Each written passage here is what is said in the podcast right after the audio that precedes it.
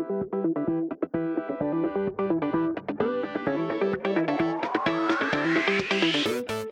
og velkommen til Gründerpodden. Podkasten som tar for seg gründervirksomheter og drivkraften som står bak det å være en entreprenør. Har du store drømmer om å starte din egen bedrift, eller kanskje du allerede har startet din egen virksomhet, men trenger litt inspirasjon fra andre som har gått veien før deg? Ja, da har du kommet til riktig podkast. Hver uke tar vi for oss et nytt tema, og en ny gjest som reflekterer det temaet. Velkommen til Gründerpodden. Jeg er Tormod fra Imaginary Studio, og ukens tema er etiske produkter. Og ukens gjest er Håvard Langmoen fra Fair Square. Håvard vil, sammen med de andre eierne av Fair Square, bevise at det er mulig å produsere klær på en rettferdig måte. Håvard, velkommen til eh, Gründerpodden. Takk for at jeg får bli med. Jeg eh, heter Håvard Langmoen, eh, og jeg er med på å starte opp et etisk klesmerke. Eller har vært med. Nå er vi jo startup. Jeg er med på å drive et etisk klesmerke som heter Fair Square. Så ja, vi hadde crowdfunding for et år siden for å finansiere prosjektet. Og det som er eh, kanskje unikt med oss, da, eh, det er jo at vi går litt lenger enn alle andre. Så vi har starta vår egen fabrikk i Kina for å kunne garantere at eh, arbeidsforholdene er gode, og ja, ha en trygghet på alt, da, sånn sett. Hva gjorde du før du startet Fair Square? Da Jeg gikk jo på Westerdals, studerte grafisk design, da jeg begynte. Jeg leverte faktisk bachelor eh, mens vi drev med crowdfunding. Eh, men jeg sto. så det gikk. Ja, det er bra. men det ja, Anbefales ikke akkurat det, da, men eh, ja, spenstig. Morsomt. Kan du fortelle litt om årene som ledet opp til du startet bedriften? Ja. Eh, altså For min del så starta det litt brått, sånn sett. Jeg blei jo egentlig spurt av Simen, som er dagleder, om å lage en logo Uh, og så ble han bare ikke kvitt meg etter det. så, men for Simens del så var det jo litt lenger. Uh, det er jo noe av grunnen til at vi kunne starte opp, på en måte, er jo det at uh, Simen kan kinesisk. og har kontaktene til i Kina. Så for hans del begynte det jo på en måte der, at han kjente folk i Kina. og også kjente faktiske fabrikkarbeidere. Så han fikk jo et mye nærmere inntrykk da, av hvordan det er, eh, og at det faktisk haster. Fordi for oss andre som ikke måte, bare ser det på nyhetene, så er det ikke så vanskelig. Da er det på en måte Altså, det føles ikke så nært, da. Eh, men med en gang du kan chatte med noen, eller ha videosamtale med noen som faktisk jobber på en fabrikk, og se forholdene, eh, så føles det jo mye mer eh, Mye nærmere, da. Eh, så det, det var noe av det som pusha han.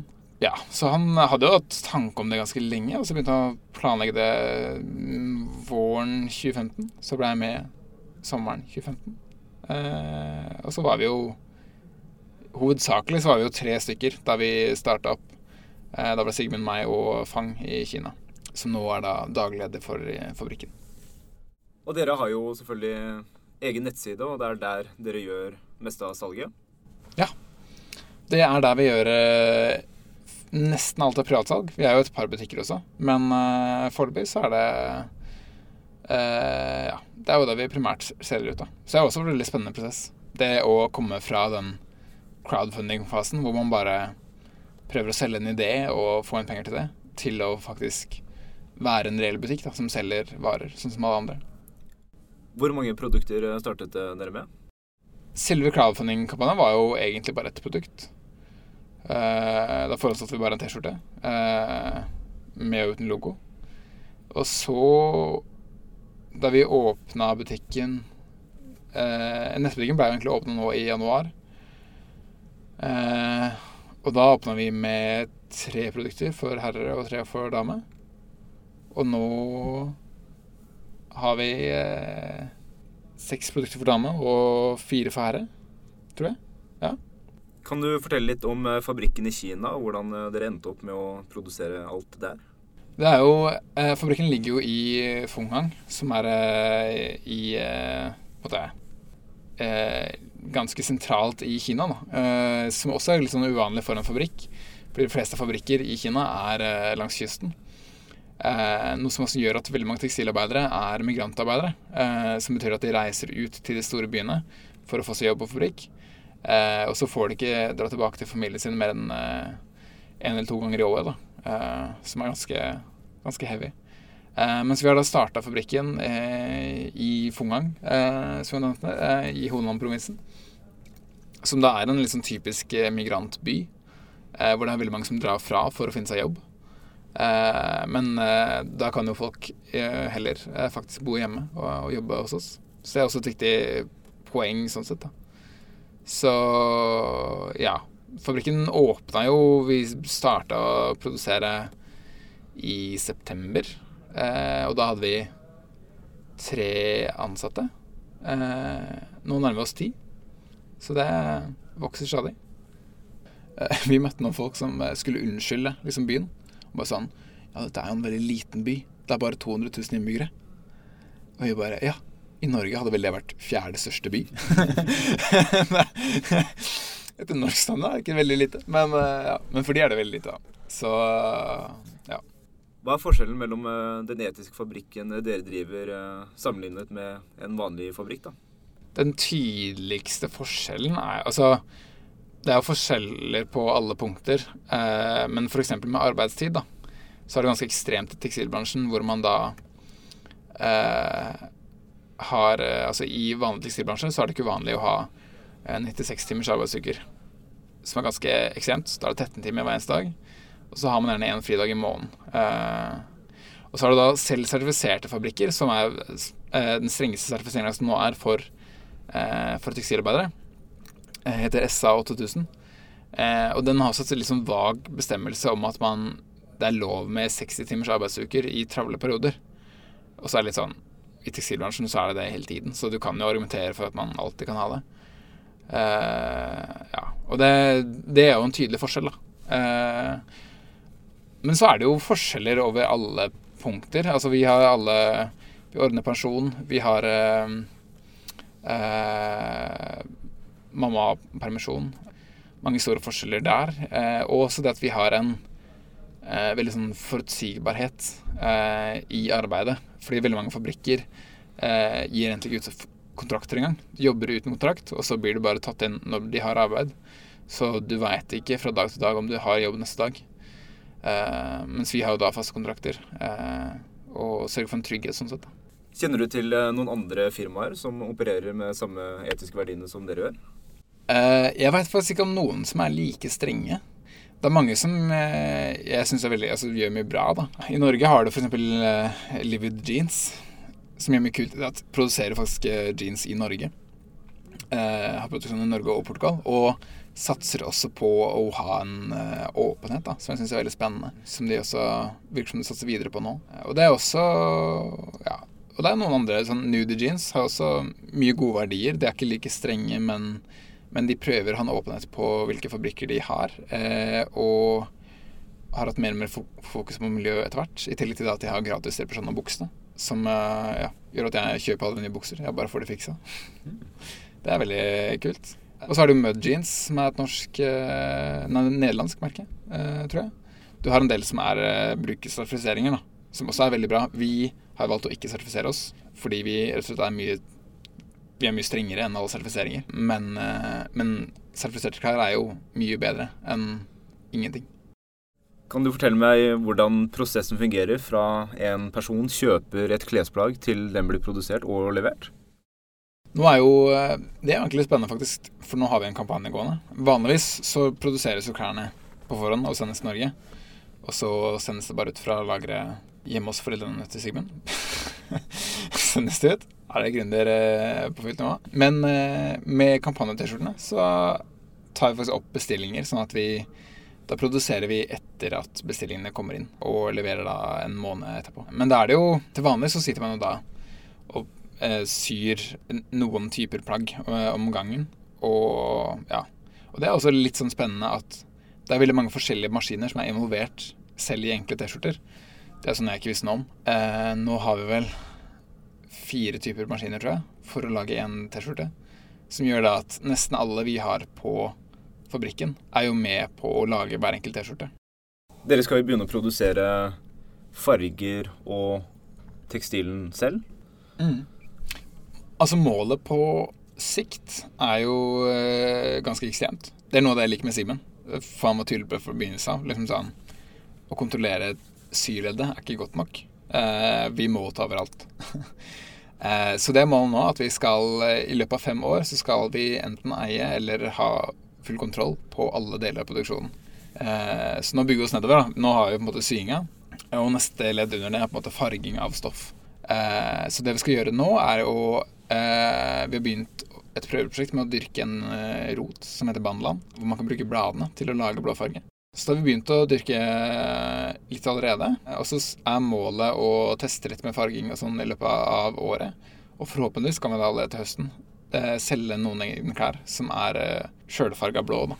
Og så er målet at vi skal eh, kunne gå videre og produsere nye farger. Og til slutt egentlig da ha alle farger produsert på egen hånd. Og det er jo også, For det er jo også interessant egentlig med tekstilindustrien at veldig mange vet ikke at den er veldig forurensende. Tekstilbransjen totalt sett er faktisk verdens nest mest forurensende industri etter olje. Man da ser på altså, hvor mye som eh, forbrukes og kastes, og fargeprosesser og dyrkeprosesser. Eh, det krever enormt mye ressurser. da. Så ved å kunne kontrollere fargeleddet selv, så kan vi også se på hele miljøaspektet ved det. Og kunne garantere for eh, ja, hvor alle restefarger gjøres av og sånt. Kan du fortelle litt om de negative aspektene ved tekstilindustrien? Eh, det som er litt spennende, er egentlig historien bak. For det har gått ganske fort. Som er litt sånn lett å glemme. For på 70-tallet så hadde Hennes Maurits for eksempel eh, hadde egen produksjon i Norden. Eh, da kunne du kjøpe, altså Ser du bukser derfra, så ser du produsert i Sverige. De hadde egne fabrikker, de kjørte på den måten. Men så blir det jo globalisert, og man finner ut at det er mye billigere å produsere i lavkostland, da, som det heter. Og det som skjer da, er at man slutter å eie fabrikker selv, og heller bruker leverandører. Så siden den gang så har eh, veldig mange klesmerker sagt at de egentlig ikke har noe ansvar for tekstilarbeiderne i det hele tatt, fordi de har bare leverandører, og at det er leverandørene sin feil som gjør det Altså, de fraskriver seg alt ansvaret, da, siden de ikke eier fabrikkene selv. Eh, og de har også blitt så store at de, de har rett og slett ikke oversikt over hva som skjer. For det er så mange ledd som er i prosessen at de har ikke sjans til å ha oversikt. Og det viktigste er dessverre for mange altså, hvor mye penger det koster. Og Derfor så får du sånne skandaler, eh, sånn som Rana Plaza da, i 2013, hvor det faktisk er eh, over 1000 eh, personer som dør eh, fordi en fabrikk raser sammen. Og da viser det seg at den fabrikken faktisk produserer for vestlige klesmerker. Eh, det er klærne våre som er lagd der. Og likevel så vil jo da ikke altså, Der ble det f.eks. avslørt at uh, United College of Benton uh, var en av produsentene. Men de nekta fremdeles å betale erstatning, for de mente at det var leverandørens feil, og ikke deres. Uh, siden de kunne holde en avtale med leverandøren. Og det er en sånn vedvarende ansvarsfraskrivelse, da. som egentlig er hovedgrunnen til problemet. og det gjør jo da at altså, man har utrygge arbeidsforhold. Man presser arbeidere ekstremt mye. Noen tilfeller av barnearbeid. Og ja, det er lave lønninger, veldig lange arbeidsdager. Mye gjør også at du presses på en måte sånn For mange argumenterer jo med at det er bra å gi dem arbeid. Noe som er riktig. Det er bra å bidra til industri. Men et problem som har vært til nå, er jo det at uh, man presser prisene og lønningene såpass at du hjelper ikke folk ut av fattigdom. Du holder egentlig nede, fordi de hele tiden kun får lønn for, for å holde det gående. Da. Så de lever egentlig fra hånd til munn, som gjør at de kan ikke slutte i jobben fordi de har ikke nok penger til å vare en uke. Eh, og de er avhengig av å kunne fø familien sin. Eh, og da presses de til å jobbe hele tiden. Og er jo da takknemlig for å få penger, men du hjelper Altså, du bidrar ikke til å løfte nivået heller, da. Så ja. Men det skjer jo mye, altså. Det skjer mye positivt eh, også. Det er mange som gjør mye bra. Og, og jeg, jeg, tror jo virkelig på at det er mange folk selv i de store organisasjonene som, eh, eller bedriftene som, som, ønsker at det skal bli bedre. Eh, men problemet er jo at når man hele tiden har hovedfokuset på å tjene mest mulig penger, og at det er det som er målet for bedriften, så, så er det veldig vanskelig å ta et reelt tak da, for å få til noe. Du kan se for deg en fremtid hvor uh, vi ikke har like mange sweatshops som vi har i dag? Absolutt. Og, og det har allerede skjedd mye med f.eks. på barnearbeid. Eh, så har man tatt veldig, veldig tak. Eh, for man skjønte hvor alvorlig det var. Eh, og ja, og det bedrer seg sånn sett. Så er det også spennende å se hva som skjer eh, eh, med automatisering, og når det blir stort nok til å bli en reell konkurranse. Har du noen tips til hva vi som forbrukere eh, kan gjøre for å hjelpe til med å forbedre kvaliteten? Det viktigste er jo egentlig eh, faktisk hvor man bruker pengene. Det tekstilbransjen skoer seg på, er jo altså det er jo, det er jo ren kapitalisme. Eh, så de gjør det de tjener penger på. Og hvis de merker at de ikke tjener penger på å produsere klær sånn som de gjør, eh, så er det verre. Så ved å tydelig skape etterspørsel, så vil det også være mer og mer lønnsomt å faktisk mette det behovet.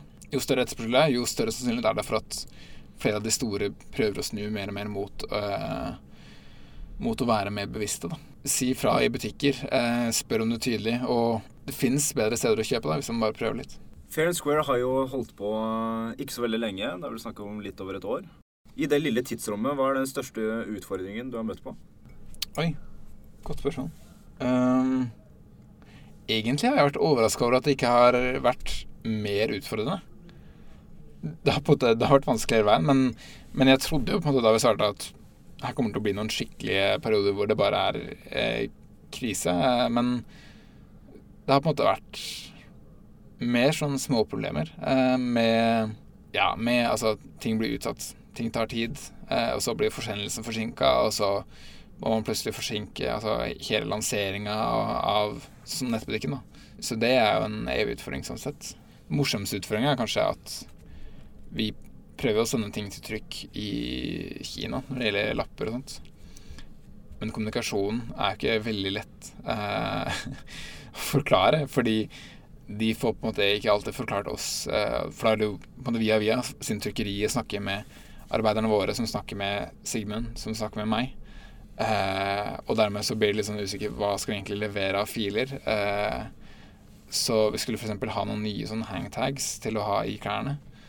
Eh, hvor jeg da prøvde å liksom merke tydelig filene. Eh, og skrev i filene liksom sånn For print, not for print. Eh, og så only instructions. Og så på instructions så hadde jeg sånn not for print, only instructions som sånn watermark over hele fila. Og så fikk vi tilbake merkelappene eh, med det printa på. så på hangtagene så sto det 'Not for print'. Testosterone on animals. så det Ja. Har du noen tips til uh, folk som kunne tenke seg å starte sin egen bedrift? Ja. Um, jeg har lært veldig mye nå av sånn Også av Simen, som egentlig inspirerer meg ganske mye på det. At liksom sånn det er så ofte det egentlig bare er å kjøre på. Ikke, ikke, tenk for nøye på konsekvenser og på alle utfordringer som kan skje. Fordi altså, du får ikke lært alt på forhånd. Du må lære underveis. da. Eh, og hvis man bare gønner på eh, og har stortrua på det, eh, samtidig som man må ha en viss struktur da, og en plan, eh, så er det, det er overraskende mye som ordner seg. Jeg tror det er mye bedre å bare hoppe uti da Det, spesielt når man bor i Norge, fordi i Norge så er det jo altså Vi har på en måte en fallskjerm alle sammen. Det, jeg tror det er kjempebra å bare gunne på. Nå skal jeg stille deg noen spørsmål fra Gründerpoddens spørreskjema. Jeg er så klar. Hvilket annet yrke enn ditt eget uh, ville du ha likt å prøvd? Jeg tror jeg hadde likt å vært snekker. Jeg har tenkt mer og mer. Sånn, egentlig er jeg over gjennomsnittet eh, interessert i sånn akademisk og sånt, men det å bare jobbe med å liksom, gjøre noe håndfast med hendene, det tror jeg hadde vært veldig bra. Hvilket annet yrke enn ditt eget ville du ikke likt å ha prøvd? Oi. Um, uh, jeg ville ikke vært uh, vindusvasker. For det er bare Jeg har så høydeskrekk. Jeg hadde dødd hver dag. har du en favorittkarakter i en fiksjonell historie? Oi.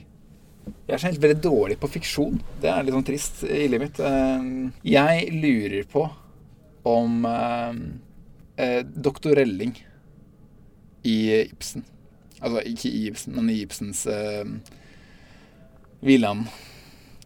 Hvis vi tar livsløgn fra et gjennomsnittsmenneske, tar gleden fra med det samme.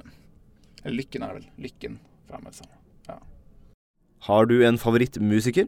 Favorittmusiker eh, jeg er litt sånn ambivalent forhold til han.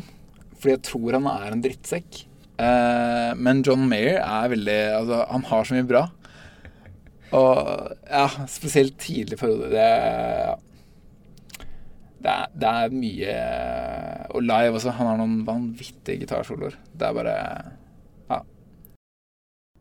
En positiv side ved deg selv. Jeg tror eh, Nå vet jo jeg at det kommer samme spørsmål negativ. Eh, og jeg tror jeg liksom Jeg tror jeg har det samme på begge. For jeg tror liksom noe av det mest positive med meg, i hvert fall for meg selv, da, er at jeg, jeg har en veldig sånn stor evne til å distansere meg fra ting eh, i livet. Så jeg liksom eh, Jeg blir generelt veldig lite stressa, for jeg bare er avslappa og liksom sånn Og tenker veldig fort at sånn Ja, det ordner seg. Eh, som gjør at sånn Jeg tror det bidrar veldig til at jeg liksom finner roen, da. Eh, og eh, generelt er veldig lykkelig. Eh, ja. Men når du da spør eh, Det kan du gjøre som du vil. Ja. En negativ side ved deg selv. Så det er jo det samme greia med at jeg er kanskje litt for god eh, på å roe meg ned og distansere meg fra ting, som gjør at jeg liksom Jeg, jeg, ja, jeg er ganske dårlig på å få ting gjort, da. Eh, og jeg lurer på om det er litt fordi jeg bare sånn Jeg har så trua på at det ordner seg, eh, som gjør at jeg da bare ender opp med å ikke gjøre noe før det er egentlig litt for seint. Og så ordner det seg. Eh, men eh, ja, skulle gjerne gjort ting litt eh, før. Litt mer strukturert. Mest inspirerende person for deg som barn? Det spørs litt hva man er som barn Hvor eh, eh, Fra 0 til 18. Fra 0 til 18. Ja.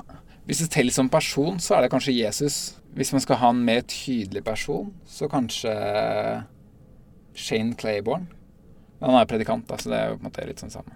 Han er en eh, Han er en amerikansk eh, Men veldig sånn spesiell form for Det blir litt feil å si predikant, for han er mer sånn eh, Han bor faktisk på gata med fattige, da. Han er litt sånn Han har eh, også jobba så vidt med mor Teresa og sånt.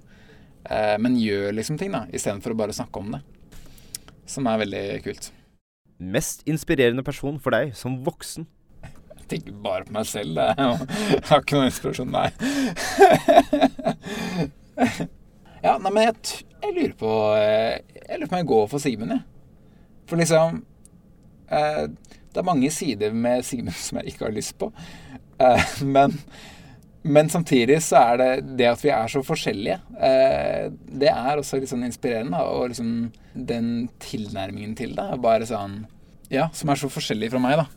Eh, og en sånn stahet og en stå-på-vilje som bare er helt ekstrem. Og en sånn rettferdighetssans som bare sånn Dette er rette, vi gjør det. Det, det er gull. Hva var den siste boken du leste? Jeg leser så skammelig lite. Um, det er faktisk en sånn identitetskonflikt i meg selv, fordi jeg ser meg jeg ser på meg selv som en person som burde like å lese, men så gjør jeg ikke det. jeg bare Jeg mener jeg burde like det. uh, den siste jeg leste i, er vel 'Sluk' av uh, Lars Saabye Christensen. Men den siste jeg leste ferdig, var vel eh, Den femte revolusjon av eh, hva det heter, Lone Frank, dansk journalist, om eh, hjerneforskning. Den er veldig, den er veldig bra. Anbefales til alle. Alle Gunderpoddens lyttere. Har du en avhengighet? I så fall, hva er den? Jeg har stort sett sånn periodevis avhengighet, så akkurat nå er det mm, bordtennis og tennis-wee. Som jeg gjør eh, Jeg veit ikke, jeg vet ikke om jeg vil si jeg gjør det for mye av det heller, for det er på en måte Når man stort sett jobber fra en kontorstol, så er det kanskje bra all den tiden man står oppreist. Men ja. Hvis du vet at du skal dø innen en uke, hva ville du brukt den siste uken på? Jeg tror jeg Altså, jeg ville brukt tid med venner og familie og alt mulig sånn bullshit, men uh, Ikke bullshit, men det er hyggelig. Men, uh, men jeg lurer på om jeg ville brukt en del tid på liksom sånn å reflektere og bare skrive ned mine egne tanker. Bare fordi jeg, jeg liker det. Og så har jeg kanskje en sånn arrogant tro på at jeg er smart og har lyst til at de tankene skal overleve. Håvard, nå kommer siste spørsmål. Hvis Gud finnes, hva vil du at han skal si til deg når han møter deg ved perleporten? Oi. Uh, nei, hvis han fins, så håper jeg jo han sier litt sånn Du, Håvard. Litt kjipt at du slutta å tro på meg, men, men det ordner seg. Du skal få bli min likevel. håper det. Tusen takk for at du ble med på podkasten. Og du kan kanskje fortelle hvor eh, folk kan finne deg og produktene dine? Dere kan finne meg på eh, eller finn nettsiden fairandsquare.no. Og lik oss på Facebook. Og følg oss på Instagram. Vi har to Instagram-kontor, faktisk. Oi. Både en eh, for selskapet generelt og en fra Kina. Fair.square.kina. Så det, følg oss overalt. Spre ordet. Spre det glade budskap. Wow! Håvard, tusen takk for at du ble med i denne episoden av Gründerpodden. Ja, det var alt for denne gangen. Stay tuned for neste episode av Gründerpodden. Ha en fortsatt riktig god dag.